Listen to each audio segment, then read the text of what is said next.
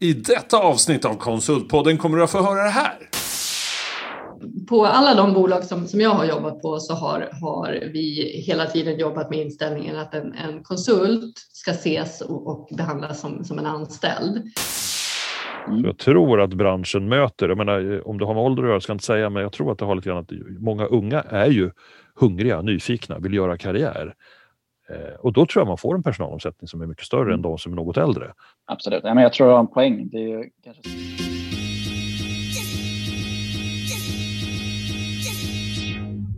Konsultpodden med Håkan och Mattias från Berotech och Sinode. Äntligen en podd för dig i konsultbranschen. Vi är i en bransch som genomgår stora förändringar och det finns massor att snacka om. Häng med oss! Okej, Konsultpodden, vi är tillbaka. Håkan, hur känns det idag? Det är, jag tyckte nog att våren var på väg, men nu liksom möttes man i morse av regn och tre grader och snöglopp. Så jag vet inte hur jag mår egentligen. Lite deppig blev Men de sa i morse på tv att det kommer bli 25 grader nästa vecka. Så att, eh, med det svaret så känner jag mig hoppfull. Härligt och det, det är fantastiskt för idag är vi hos dig Helena Torhage i Mälarhöjden. Ja, så himla fint att ni är på besök. Ja. ja det är en fantastisk villa och en fantastisk studio också.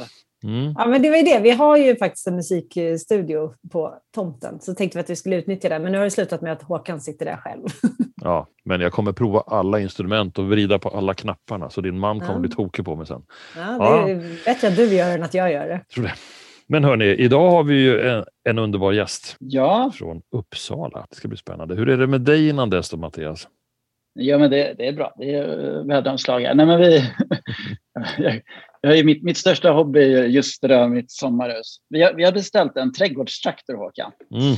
Eh, men jag, har gjort en, jag, jag gjorde ju ett misstag. Jag beställde den till eh, Gamla stan. Det är bra. jag glömde byta leveransadress och sen har jag bytte jag leveransadress, men det var ju efter de skickade den. Och sen har eh, posten har tappat bort en eh, trädgårdstraktor på 200 kilo just nu. Mm. Så den är någonstans i något område, så får vi se att den det här det är verkligen någonting att följa. Ja, Rapportera vidare. Jag ser fram emot att sitta på den där trädgårdstrakten och, och klippa. Vi har en liten äng, eller vildvuxen eh, trädgård som vi ska klippa ner till en fin fotbollsplan är tanken. Ja, härligt. Så det blir underbart. Men vi har ju med oss eh, Krishelin kommer in senare och sen mm. har vi en till Helena med oss idag. Ja. Ska vi välkomna vår gäst Helena Åsbrink. Välkommen! Tack så mycket! Vad roligt att få vara med här idag. Ja, jättevälkommen! Eh, du är ju här för att du är ju en kund till oss på Berotech och Anders Uppfeldt tyckte att Nej, men Helena är ju rätt. Liksom. Hon har energi och hon har massa kunskap och insikter om hur det är i den här branschen att köpa konsulttjänster. Och i, en, i, en, i ett område med life science och, och, Uppsala som är Klondike just nu. Då. Så det ska bli jättespännande att få prata med dig Helena idag och höra hur det är för dig. Kan inte du liksom inleda lite grann och bara dra några snabba kring vem du är och vad du gör och vad du håller på med? Ja, eh, absolut. Helena Åsbrink heter jag och jag har precis som du är inne på jobbat de senaste 15 åren inom life science, eh, de olika life science-bolagen här i Uppsala-regionen. Eh, jag har, har jobbat inom operations hela, hela tiden, så med, med teknikprojekt av olika slag och produktionsverksamhet. Eh, och nu senast så kom jag från ett uppdrag som, som eh, Head of Operations eller sajtansvarig för eh, Galdermas sajt i Uppsala.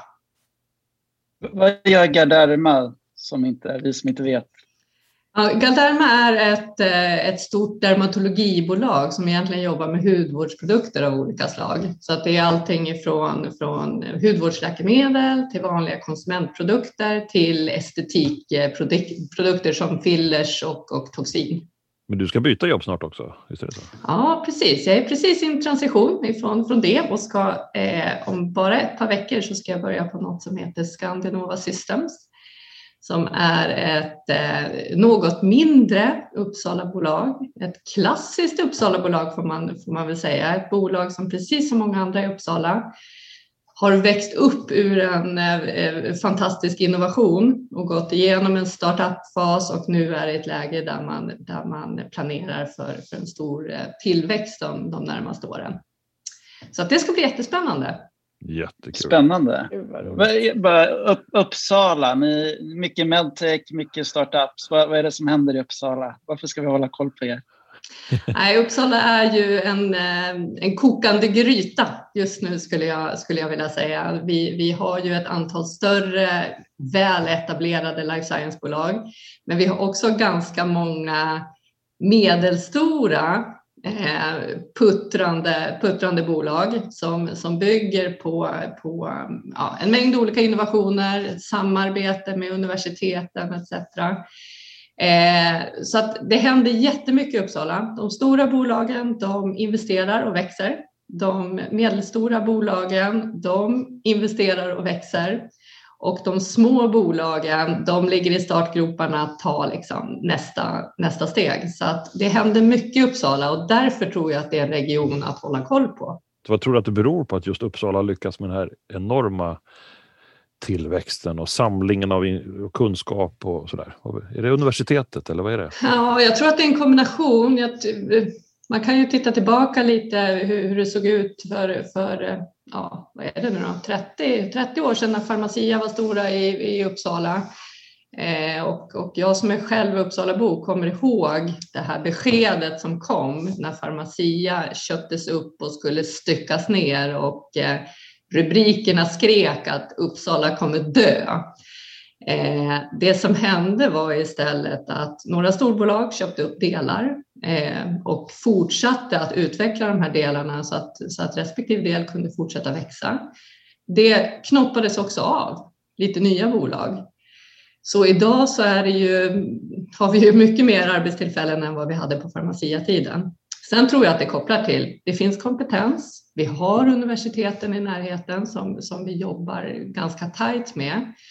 Och det är ju inte bara bägge upp, universiteten i Uppsala utan det är också Stockholmsregionen med Karolinska och eh, KTH till exempel som, som vi jobbar nära. Spännande. Ja, men det är som min gamla tes om på när eh, telekombubblan sprack och alla trodde att nu är det kris i Kista, det är lika bra att lägga ner, släck allting. Det dröjde bara ett par år så ploppade det fram massa nya saker. Så i den här förändringen som uppstår så behöver det inte bara vara tragiska saker utan det kan komma nytt. Tänker jag. jag hoppas att det händer även i Bålänge nu som, där man lägger ner en jättestor verksamhet som hela liksom, orten är beroende av. Jag hoppas att det sker ungefär på samma sätt som i Uppsala. Mm. Ja, det får man verkligen hoppas. Men, men, bara för att ringa in, många av våra konsulter som lyssnar skulle jag kunna tro, bara för att jag är det själv, produktutvecklare och jobbar liksom med tra traditionell produktutveckling. Och så pratar du om konsultinköp inom din bransch. Vad är, det, vad är det för tjänster ni behöver köpa in eller anställa? Så man får lite uppe på kartan. Ja, jag tror att man tittar på, på eh, på, på kompetenserna generellt så är det ganska bred Eh, kompetensbas vi, vi söker. Eh, dels så växer ju produktionsanläggningarna och det betyder att vi behöver eh, allt ifrån tekniker, processoperatörer, chefer, ledare.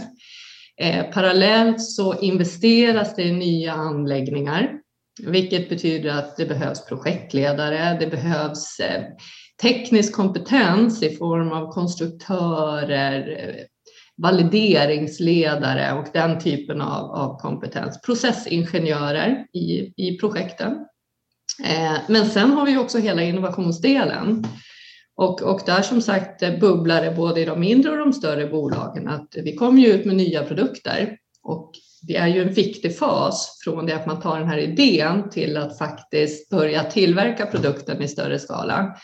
Och där behövs ju också produktutvecklare, konstruktörer, projektledare och den typen av kompetens. Vad, vad tycker ni att konsultbolagen bidrar med där? Eller konsulterna bidrar till eh, verksamheten? Eh, men absolut, jag tycker att eh, en, en vinst med, med, konsulter det är ju att man får in, eh, får in människor som också har sett eh, andra verksamheter. Det blir lite kors, korsbefruktning. Eh, man får in andra lösningar, nya sätt att tänka. Och det är ju otroligt värdefullt. Mm. Och vad, vad, letar ni när ni letar eh, konsulter? Eller konsult, vi kan börja med konsultleverantörer. Vad, vad letar ni då efter? Men jag, tror jag, jag och Håkan pratade för några veckor sedan eh, om, om precis det och, och i slutändan det jag, tror, det, jag tror det är viktigt att man, man kommer ihåg när man eh, både jobbar som konsult och när man eh, driver ett bolag med fler konsulter. Det är ju att i slutändan så är det personen, konsulten som bolagen köper. Det är den, den enskilde personens kompetens som, som bolaget vill ha. Det är det absolut viktigaste. Sen när, när vi tittar på, på bolag så är det, ju, är det ju också så att det kan ju hända saker. Och då är det ju som i vilken kund, kundrelation som helst. Hur bemöter eller hur hanterar konsultbolaget en situation som, som uppstår? Det är ju superviktigt. Eh, blir en konsult sjuk eller hoppar på ett annat uppdrag, säger upp sig, hur, hur hanterar då, då konsultbolaget den, den förändringen och, och dialogen med, med kunden? Så att jag tror att det är liksom två, två nycklar där. Känner du stor skillnad där hur, i hur de olika bolagen eh, agerar? Alltså, är det tydligt vem du litar på och vart liksom, du får det här bemötandet som du är ute efter? Ja, och jag tror, jag tror att det här också så blir det en relation man, man bygger. Eh, alltså jag kan, om jag liksom drar mig till minnes åren tillbaka så kan jag ha jobbat med ett bolag där det har fungerat otroligt bra i den här relationen. Man har löst problem tillsammans. Eh, men sen har då en, en kontaktperson försvunnit och man hamnar i en helt, helt ny relation där man behöver bygga upp eh, dialogen och kontakten. Eh, och då är det inte alls säkert att det fungerar lika bra. Eh, så, att, så att återigen, den här relationen är otroligt viktig och att man kan ha en bra, bra dialog. Ja, och det är personberoende, inte bara på konsult, i konsultrollen utan även i säljare eller liknande. Ja, absolut. Jag som jobbar mycket med marknadsföring eh, av Berotech då, eh, och varumärket. Och så här. Finns det någonting vi kan göra för att det inte bara ska vara våra skickliga konsulter? Ser du liksom någonting där som är liksom mer eh, bredd över hela bolaget, som inte handlar om vem som du har kontakt med och så vidare? Men jag tror att eh, det handlar ju om att eh, ha, en, ha en gedigen bas. Eh, man, man, kan ju också se skillnad på konsultbolag om Eh, Eh, om, det, om det är erfarna konsulter som anställs eller om det är mer eh, ja, ingenjörer som kommer direkt ifrån från högskola och universitet. Och absolut inget fel, fel med dem, men det är ju så att det här är ju hantverk och eh, erfarenhetsbaserad kunskap som, som behövs i många, många projekt. Eh, och där tror jag att man kan göra en skillnad genom att ha en, en kvalitetsstämpel på, på um, konsulterna som, som eh, kommer ifrån bolagen.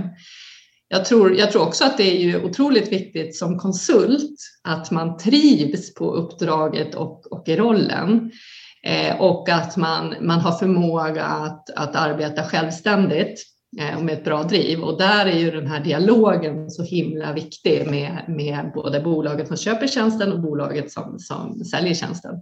Hur gör du där Helena? För, för, jag menar, det blir ju fel om, man inte, om konsulten inte trivs så blir det ju inte bra. Hur gör, hur gör du för att se till att ta reda på om den här konsulten kommer trivas? Eller räknar du med att bolaget eller konsulten själv tar det på sitt ansvar? Jag gissar nej, att du är där och, du gissar att, du, att du är där och ja, lite. Nej, men på, på alla de bolag som, som jag har jobbat på så har, har vi hela tiden jobbat med inställningen att en, en konsult ska ses och, och behandlas som, som en anställd. Mm. Eh, vi vill ha konsulterna med på, på möten och, och det finns till och med vissa fall där man har, har konsulter väldigt länge där man har nästan som utvecklingssamtal med, med sina konsulter. Eh, och, och, det tror jag är viktigt. Eh, sen kan det ju vara konsultuppdrag och eh, specifika konsulttjänster som man köper som är mer inriktade på en specifik uppgift och leverans. Och där, där tror jag förväntan generellt från, från bolagen är att man kommer in med sin senioritet, man gör sitt jobb och man levererar eh, ganska självständigt. Så lite olika beroende på nej men Helena, jag, jag, tänkte, mm, hur ser ni på eh, enmanskonsulter kontra de som är anställda på, på, på bolag? Tar ni in eh, frilansare också, enmanskonsulter? Eller? Ja, eh, vi, framförallt så jobbar vi med de bolag som vi har eh, ramavtal med. Eh, sen finns det enstaka enmansbolag som vi jobbar med och där handlar det ju verkligen om, om specifik kompetens som egentligen inte går att hitta någon annanstans. Det kan vara en en gammal röranläggning som är konstruerad av eh,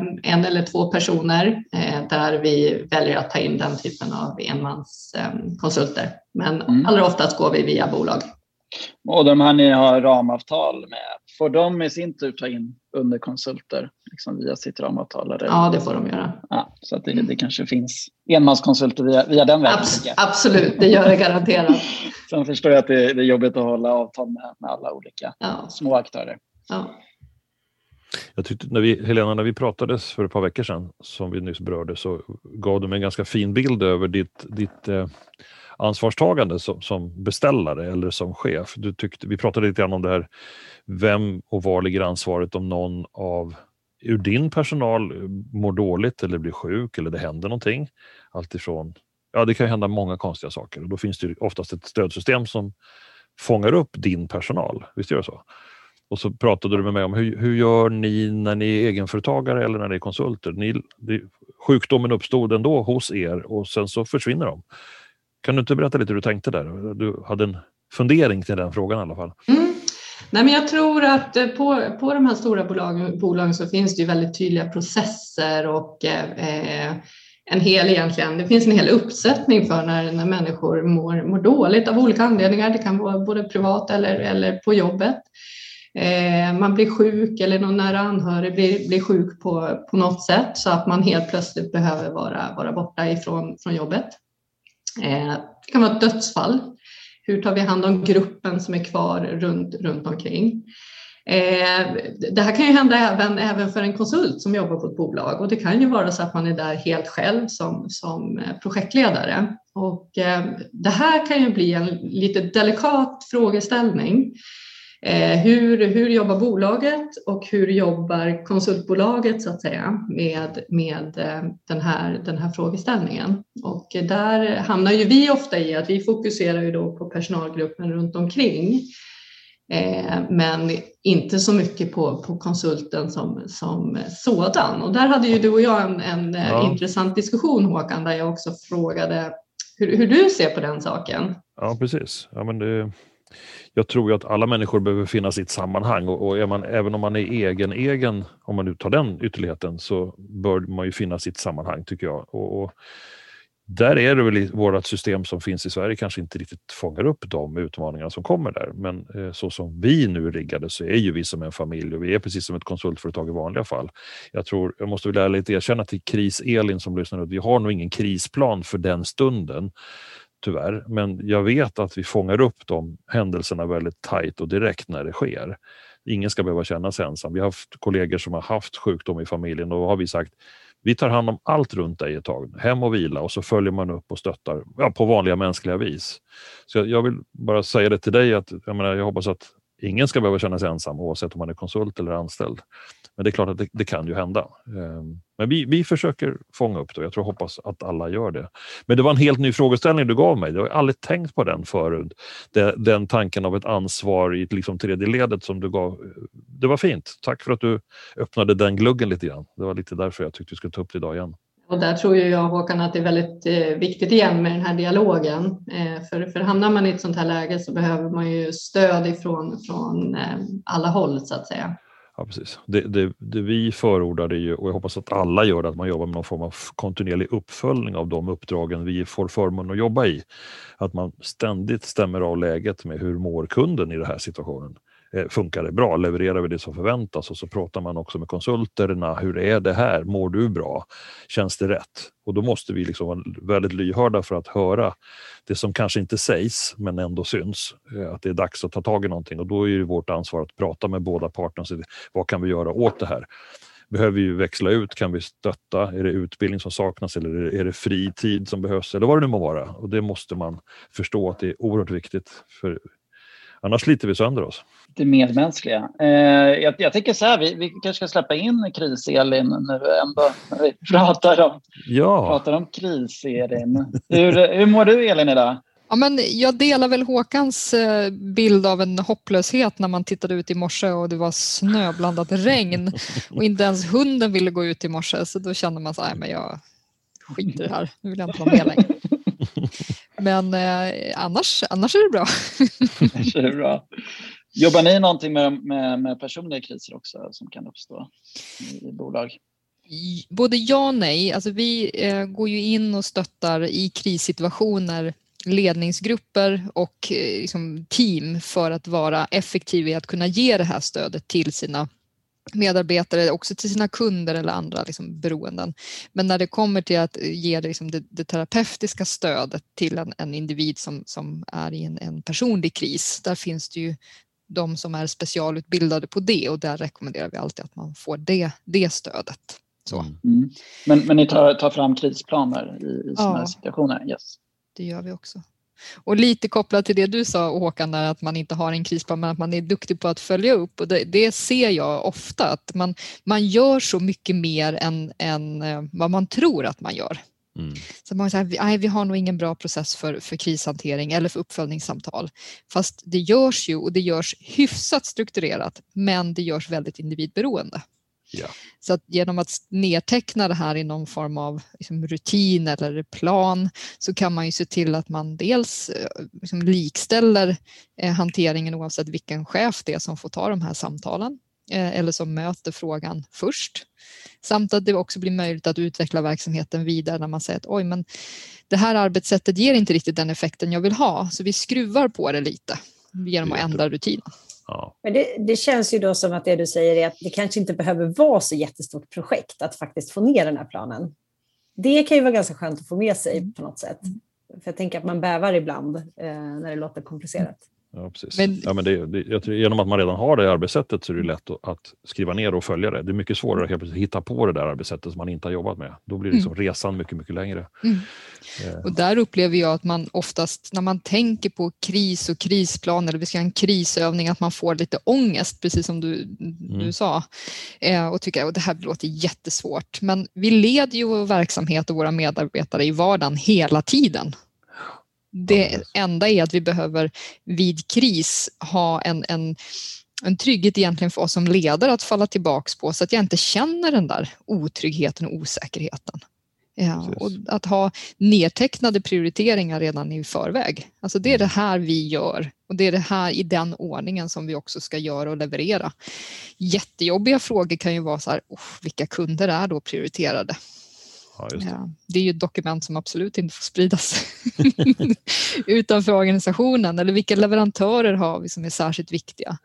Ja, eh, förra veckan, eller förra podden pratade ju Alexander om, om eh, ambassadörer som också kan vara en viktig del att tänka igenom mm. helst innan så att vi istället för att vara reaktiva när någonting händer kan bli proaktiva och liksom inleda en, en tydlig hantering kring situationen där, där man, liksom, man styr utvecklingen annat än att liksom reagera på den hela tiden.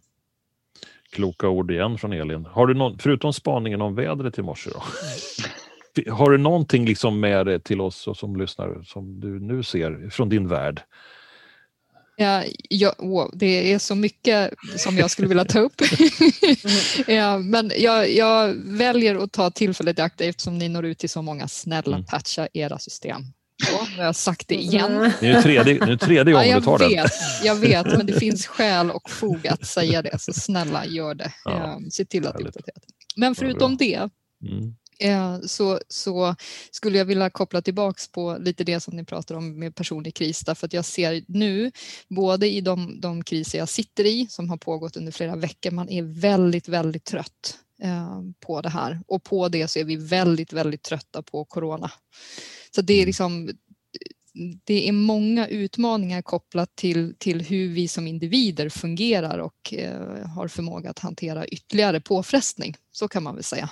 Ja. Så, att, eh, så som vädret, det blir liksom en, en ohanterbar eh, ja. bakslag för många. Det, när det, det blir som en livskris när snön dök upp mm. idag. Ja, precis. Och lite verktyg för att hantera den typen av känslor när man känner att jag lägger mig ner och ger upp, nu vill jag inte mer. Eh, att faktiskt vara noga med att titta i ett längre tidsperspektiv, både framåt och bakåt. Alltså, vad var vi för ett år sedan? Vad har vi lyckats med under liksom, den tid som har varit? För det är fantastiska saker som de allra flesta organisationer faktiskt har klarat av. Både i omställning, nya arbetssätt, eh, bygga nya relationer under helt nya förutsättningar, eh, att faktiskt överleva som verksamhet. Men ja, också att vi som individer har anpassat oss till ett nytt sätt att leva. Eh, så att vi liksom inte glömmer bort att vi har gjort väldigt mycket och kommit väldigt långt eh, i det här också. Och att vi tittar att ja, men det finns faktiskt, det kommer en sommar, även om det snöar idag så är det 25 grader nästa vecka. Ja, det är bra. Stort tack Elin. Många kloka tips. Med ja. ljusglimtar. Ska vi eh, ta in Elina Åsbrink? Jag tänkte ja. just på kanske coronaperspektivet, pandemin. Har ni liksom förändrats och har det förändrats hur ni jobbar? Jobbar ni mer remote? Och hur, hur har det förändrats något eh, med konsultbolagen, konsulterna? Hur ni jobbar med dem också? Nej, men absolut. Eh, många kloka ord från Elin tycker jag. Jag, jag tror att vi, vi generellt som, som företag borde titta lite mer i backspegeln för senaste året har, har det hänt så otroligt mycket. Eh, jag tittar, tittar på verksamheten som jag verkar i för ett år sedan. Visst, vi hade digitala möten, absolut. Men idag så sitter vi i digitala möten hela, hela dagarna. Eh, hälften av, av de som jobbar på Uppsala, Uppsala-sajten, de jobbar hemifrån varje dag. Eh, vilket naturligtvis kräver ett helt annat sätt att jobba på. Eh, lite det Elin är inne på, det är ju i början kanske det var lite, var det många som tyckte det var ganska skönt att kunna jobba hemifrån och vara lite hem, hemmiljö och, och sådär. Men, men eh, det la sig ganska snabbt. Eh, och idag är det ju många som är trötta på att inte träffa människor. Man fastnar framför datorn. Eh, man glömmer kanske bort att ta de här pauserna som man får naturligt när man är på en, på en arbetsplats. Så att vi har försökt jobba jättemycket med, med tips och tricks. Eh, se till att du gör skillnad på när du går till jobbet och när du går hem. Se till att du tar din lunch, att du går och, och tar ditt kaffe. Så, så jag själv tänker jättemycket på det. Jag går till jobbet på morgonen och även om det bara är en liten promenad runt kvarteret så är det ändå liksom, men nu sätter jag på mig jobbet. Ja, och så jobbar jag och sen går jag hem eh, efter, efter jobbet. Eh, sen har det ju naturligtvis också varit ett år av eh, att testa det kris, eh, krissystem som, som vi har på plats. Eh, leverantörssituation, Eh, har vi folk tillräckligt för att hålla fabriken igång? Hur löser vi sådana saker med de restriktioner som, som finns? Eh, så att eh, otroligt mycket som verkligen har testats och eh, skruvats på och eh, ett, ett, fantastiskt team. Jag tycker att människor generellt har hanterat den här krisen otroligt bra, även om vi, vi är många som är trötta på det nu. Då. Ja. När det gäller konsulter eh, så tycker jag den stora utmaningen Eh, kan jämställas med de som har varit nyanställda. Det är ju supersvårt att komma ny till ett jobb och inte få vara på plats. Hur bygger man relationen? Hur förstår man vad som, vad som händer i verksamheten? Hur får man tillgång till den där informationen som är, är superviktig, men som kanske inte alltid uttalas rakt, rakt ut så att säga. Så att det tycker jag är den absolut största utmaningen under, under året. Har du något tips till konsulter generellt sett som kommer in som nya i en organisation? Finns det några snabba fem tips? Som du nu berör, få ja. rätt information i de här informella kontakterna som alltid ja. gör det lättare. Hur gör man? Jag tror att det är superviktigt att ha någon form av eh, eh daglig avstämning, kontakt med, med den som är beställare så att säga. Mm. Eh, sen har vi jobbat med att eh, för att få in människor bra, att faktiskt ha någon, någon får vara på plats så att man faktiskt kan träffas de, de första gångerna under eh, säkra förhållanden och i alla fall får gå igenom uppdrag, ta den första introduktionen face to face för att ha ett, ett ansikte med, med en person som man sen ska eh, prata och jobba tillsammans med under, under några veckor eller några månader. Jag tycker det har blivit bättre. Trenden, alltså våra kunder, ni, du har blivit bättre på att hantera konsulten. Så, som du själv berättade, som en del av verksamheten. De ska få vara med på möten, de ska känna att de, att de ska ha samma info, ha samma möjligheter. Förr var det ju inte så. Utan då, aha, kommer du idag? Ja, men okej, okay, du får sätta dig i fiket här tills vi har hittat en dator till dig. och så där. Ganska slarvigt. Eh, det var mer åt bemanningshållet. Och, kan, och det, nu sker det nästan onboardingsprocessen när man är som konsult också. Jag, tror att det, mm. jag tycker det är fint för det gör det lättare för kunden att få ut more bang for the buck och vi mår bättre som leverantörer också. Så att, och det blir väldigt tydligt här då när det är coronaläge. Att, att ni lägger tid som ledare på att liksom vara tillgängliga på så, så nära håll för en konsult också. Mm. Det, det gör mig lite varm i hjärtat. Det är bra. Och jag tror precis som du är inne på, jag tror att det är otroligt viktigt också för att man ska få, få bra utväxling av, av relationen så behöver man också ha rätt, rätt input så att man vet åt, åt vilket håll bolaget ska så att säga. Precis. Superspännande. Har vi några ja. mer frågor till Helena? Annars så kanske det är dags för ett litet trendorakel att dyka upp. trendorakel. Ja, jag tycker det var intressant du sa Helena. Du, du pratar mycket om seniora konsulter. Vi, vi har ju sett en utmaning som vissa har påtalat just det här med, nu kanske inte ni tog in så mycket juniora konsulter innan heller, men att det kanske blir ännu svårare nu för de juniora. Eh, och, och få in de som verkligen är nya, nya, eh, nya, nya anställningar från, direkt från högskolan eller nya konsulter. Tror du att det finns en, en, en situation där?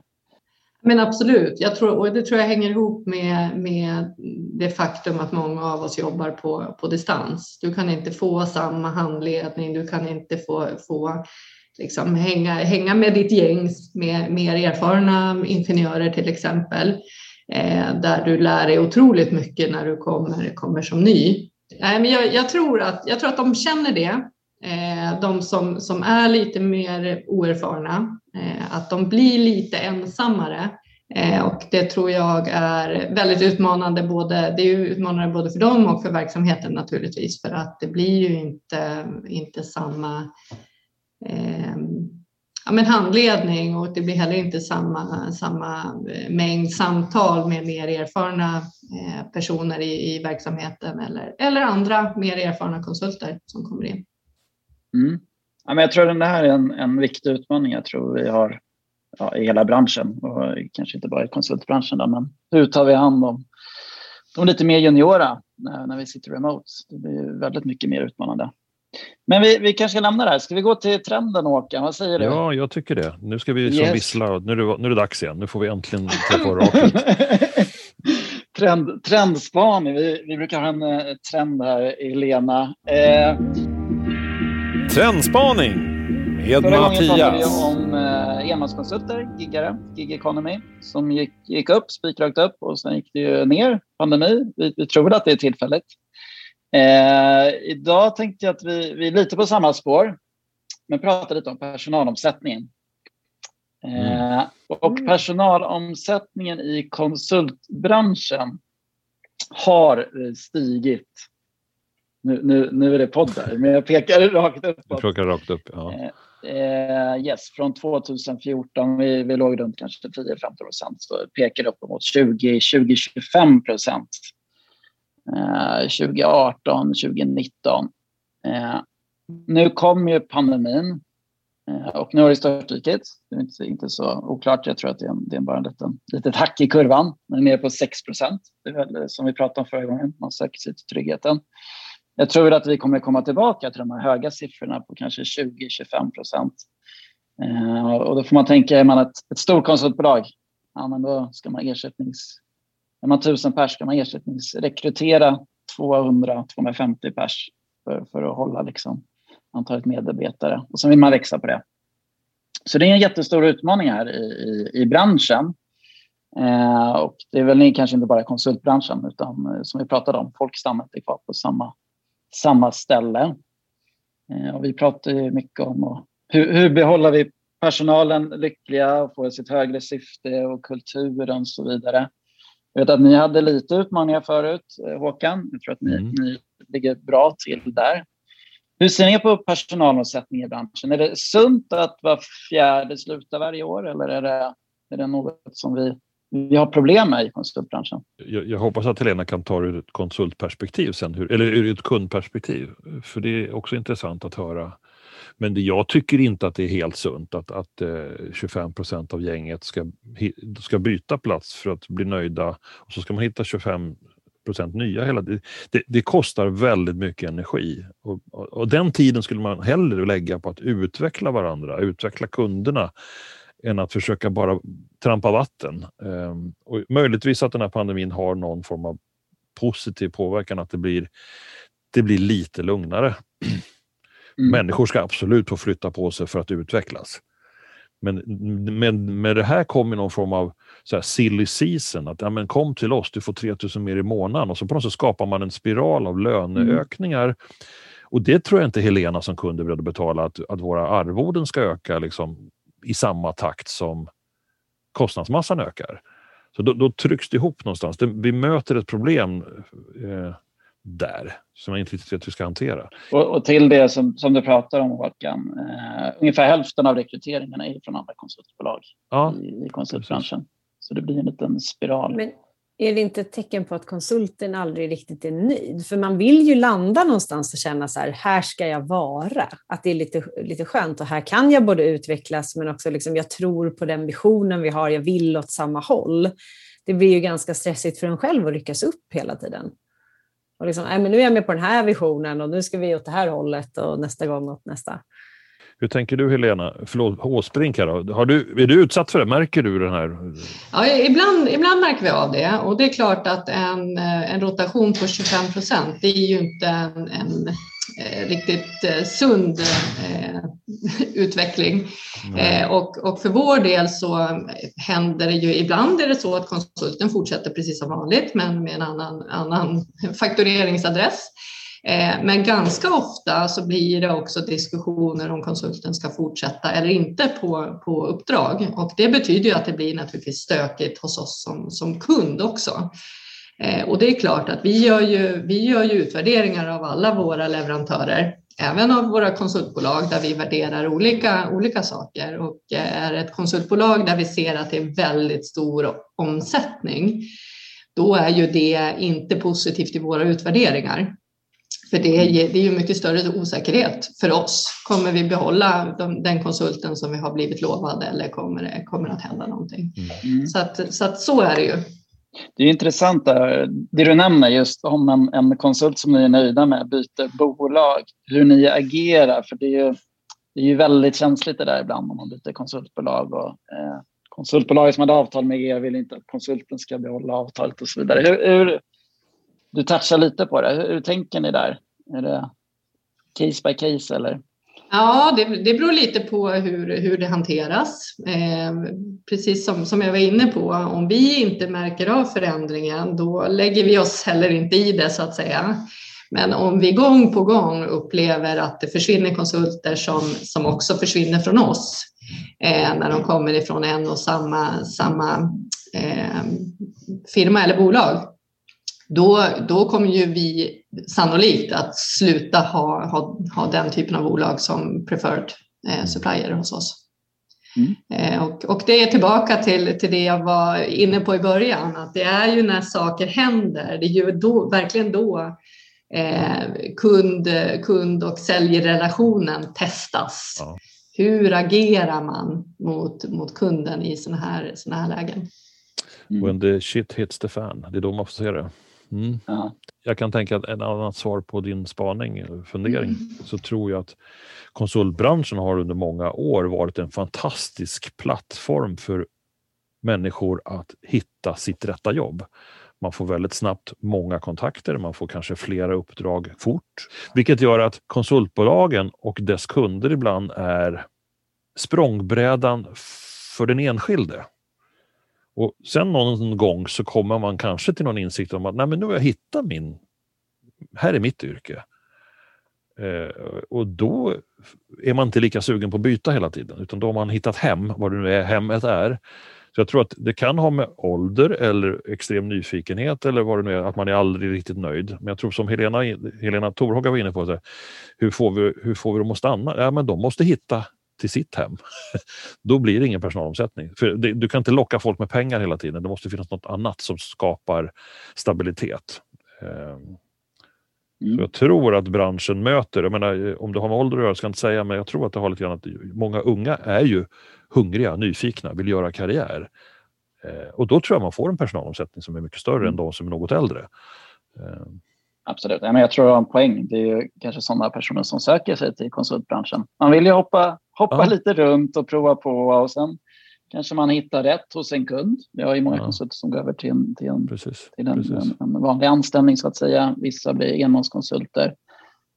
Eller ser man inte tillräckligt nöjd med sitt konsultföretag, då har vi ju att jobba med det. Och det finns ju de som eh, ligger under 10 procent och det är de, det är de konsultbolagen som, som går väldigt, väldigt bra också. Ja. Det är de som växer väldigt mycket. Så det, de har ju lyckats med någonting med kultur och, och syfte. Så att det, det är bara, man får, får jobba med det. Det låter som Helena Åsbrink känner samma sak, att då blir det inte så mycket shit hits the fan heller. Det blir en, det blir en lugn leverans, liksom, att det, det är hyfsat stabilt. Då.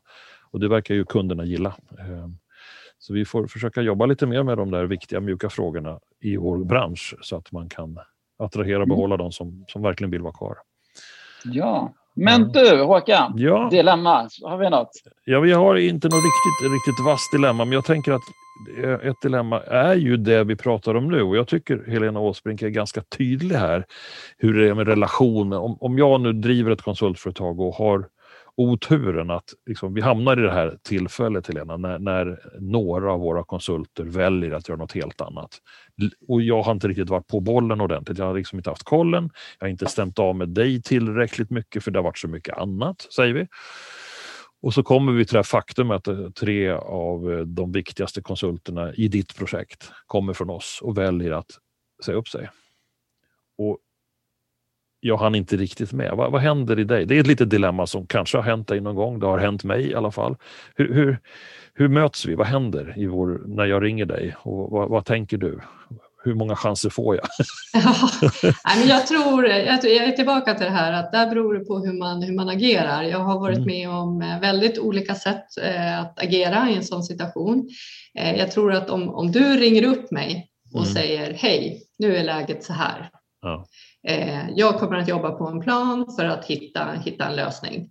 Mm. Eh, då, då, kommer, då kommer vi att jobba tillsammans för att lösa det, situationen som vi hamnat i. För vi vet ju också att folk rör på sig och folk väljer att sluta. Eh, jag har också varit med om där ingen har kontaktat mig utan jag har fått veta av konsulten själv eller någon annan i projektet att nu har den här konsulten sagt upp sig. Så att den slutar här om fem veckor. Eh, då, då är jag inte lika glad på Nej. konsultbolaget. Så att det är tillbaka till det där att jag, jag tror att vi alla är ju vi vet att duktiga människor rör på sig, man vill lära sig nytt, man, man fortsätter utvecklas. Eh, eller man kan drabbas av någonting annat i, i livet som, som gör att man inte kan jobba under en period. Och, och det viktiga igen är dialogen, att man, man är öppen, tydlig, försöker hitta lösningar. Mm. Det, det, är för mig verkligen det som skiljer ett starkt konsultbolag och ett, ett mindre starkt konsultbolag. Det låter ju så enkelt när du säger det. Och det borde vara så enkelt att alla konsultbolag blev starka i, din, i dina ögon. För det låter som en självklarhet. Men bevisligen så är vi lite rädda ibland för kunden eller vi hoppas att hitta en lösning innan vi, avta, innan vi avslöjar något. Man liksom vill ha en plan klar. Det är bättre att vara ärlig tror jag. Så det, men det är enkelt med rakt tips från dig Helena. Tack så mycket för det. Så det kan väl alla ta till sig, att var inte rädd att prata med kunden även om det går dåligt. Nej. Transparens och dialog är väl alltid lösningen på nästan allt man hamnar i. Ja, ja. Precis, precis. Fantastiskt. Nu har vi fått förmånen att träffa dig, Helena Åsbrink, i Uppsala, i liksom Klondike i Sverige när det gäller medtech och life science. Det verkar helt galet. Jag hör det från andra håll också. Det måste vara roligt att jobba där uppe. Absolut, det är ju, det är ju superroligt och eh, som sagt jag har ju eh, lite insikt i, i flera av, av bolagens eh, spännande projekt här, här i Uppsala. Eh, och det är verkligen, det händer mycket, det investeras eh, och det är, det är en hel del högteknologiska både anläggningar och nya produkter som är på, på gång ut. Så att det är ett spännande ställe att verka, verka på. Så, så jag tycker som konsult så ska man ju definitivt ta chansen att eh, vara med på den här tillväxtresan som, som sker i Uppsala. Det var min fråga. Vad är det, vad, om du ska göra en hisspitch för att antingen anställa någon hos dig på ditt nya ställe eller en konsult att välja Uppsala-spåret, vad är det, vad är det man får? Vad är det, ja, men jag tror det du får det är högteknologiska projekt, du får, du får en, en fart. Eh, det går framåt, framåt hela tiden eh, och eh, det, finns, det finns pengar för att göra de här investeringarna. Wow. Vi kommer se många nya konsultbolag i Uppsala-regionen nu, tänker jag. Ja. Har vi några så slutliga tips? Hur blir man en eh, konsultleverantör till, eh, till ett av dina bolag? Nu representerar du nästan två bolag här. Men hur, hur ska man gå tillväga? Vad gör man bäst? Nu hade ni ramavtal hörde jag. Men, eh, ja, nej, men precis. Vi, vi, eh, vi, har, vi har som sagt ett antal olika bolag, men det vi gör är att vi tar in alla våra leverantörer via inköpsavdelningarna eh, eftersom vi har en del grundkrav som, som alla bolag förväntas eh, ja, kunna leva upp till för att vi ska, vi ska eh, anställa dem. Så att vägen in är via inköp inköpsavdelningen helt enkelt. Mm, yes. Tack så jättemycket Helena för alla lärdomar du har gett oss idag. Eh, kul att lära känna dig. Hoppas att kunna få se dig på riktigt real time någon gång i Uppsala och fika. Eh, tack Helena Torhage. Tack. Helena Torhage, har du, några, har du någon sammanfattning? Vad, vad känner du? Nej, men jag, vet, jag blev lite sugen på att vara mer i Uppsala. Jag är ju aldrig, aldrig där, men jag gillar ju liksom innovationshöjden och eh, att det är mycket produkter som förbättrar liksom folks mående och hälsa. Det känns mm. eh, häftigt tycker jag. Och att det liksom, ja, går snabbt. Annars så, eh, nej, men så tycker jag att Helena har kommit med otroligt tydliga och bra tips mm. kring hur man bör agera. Mm.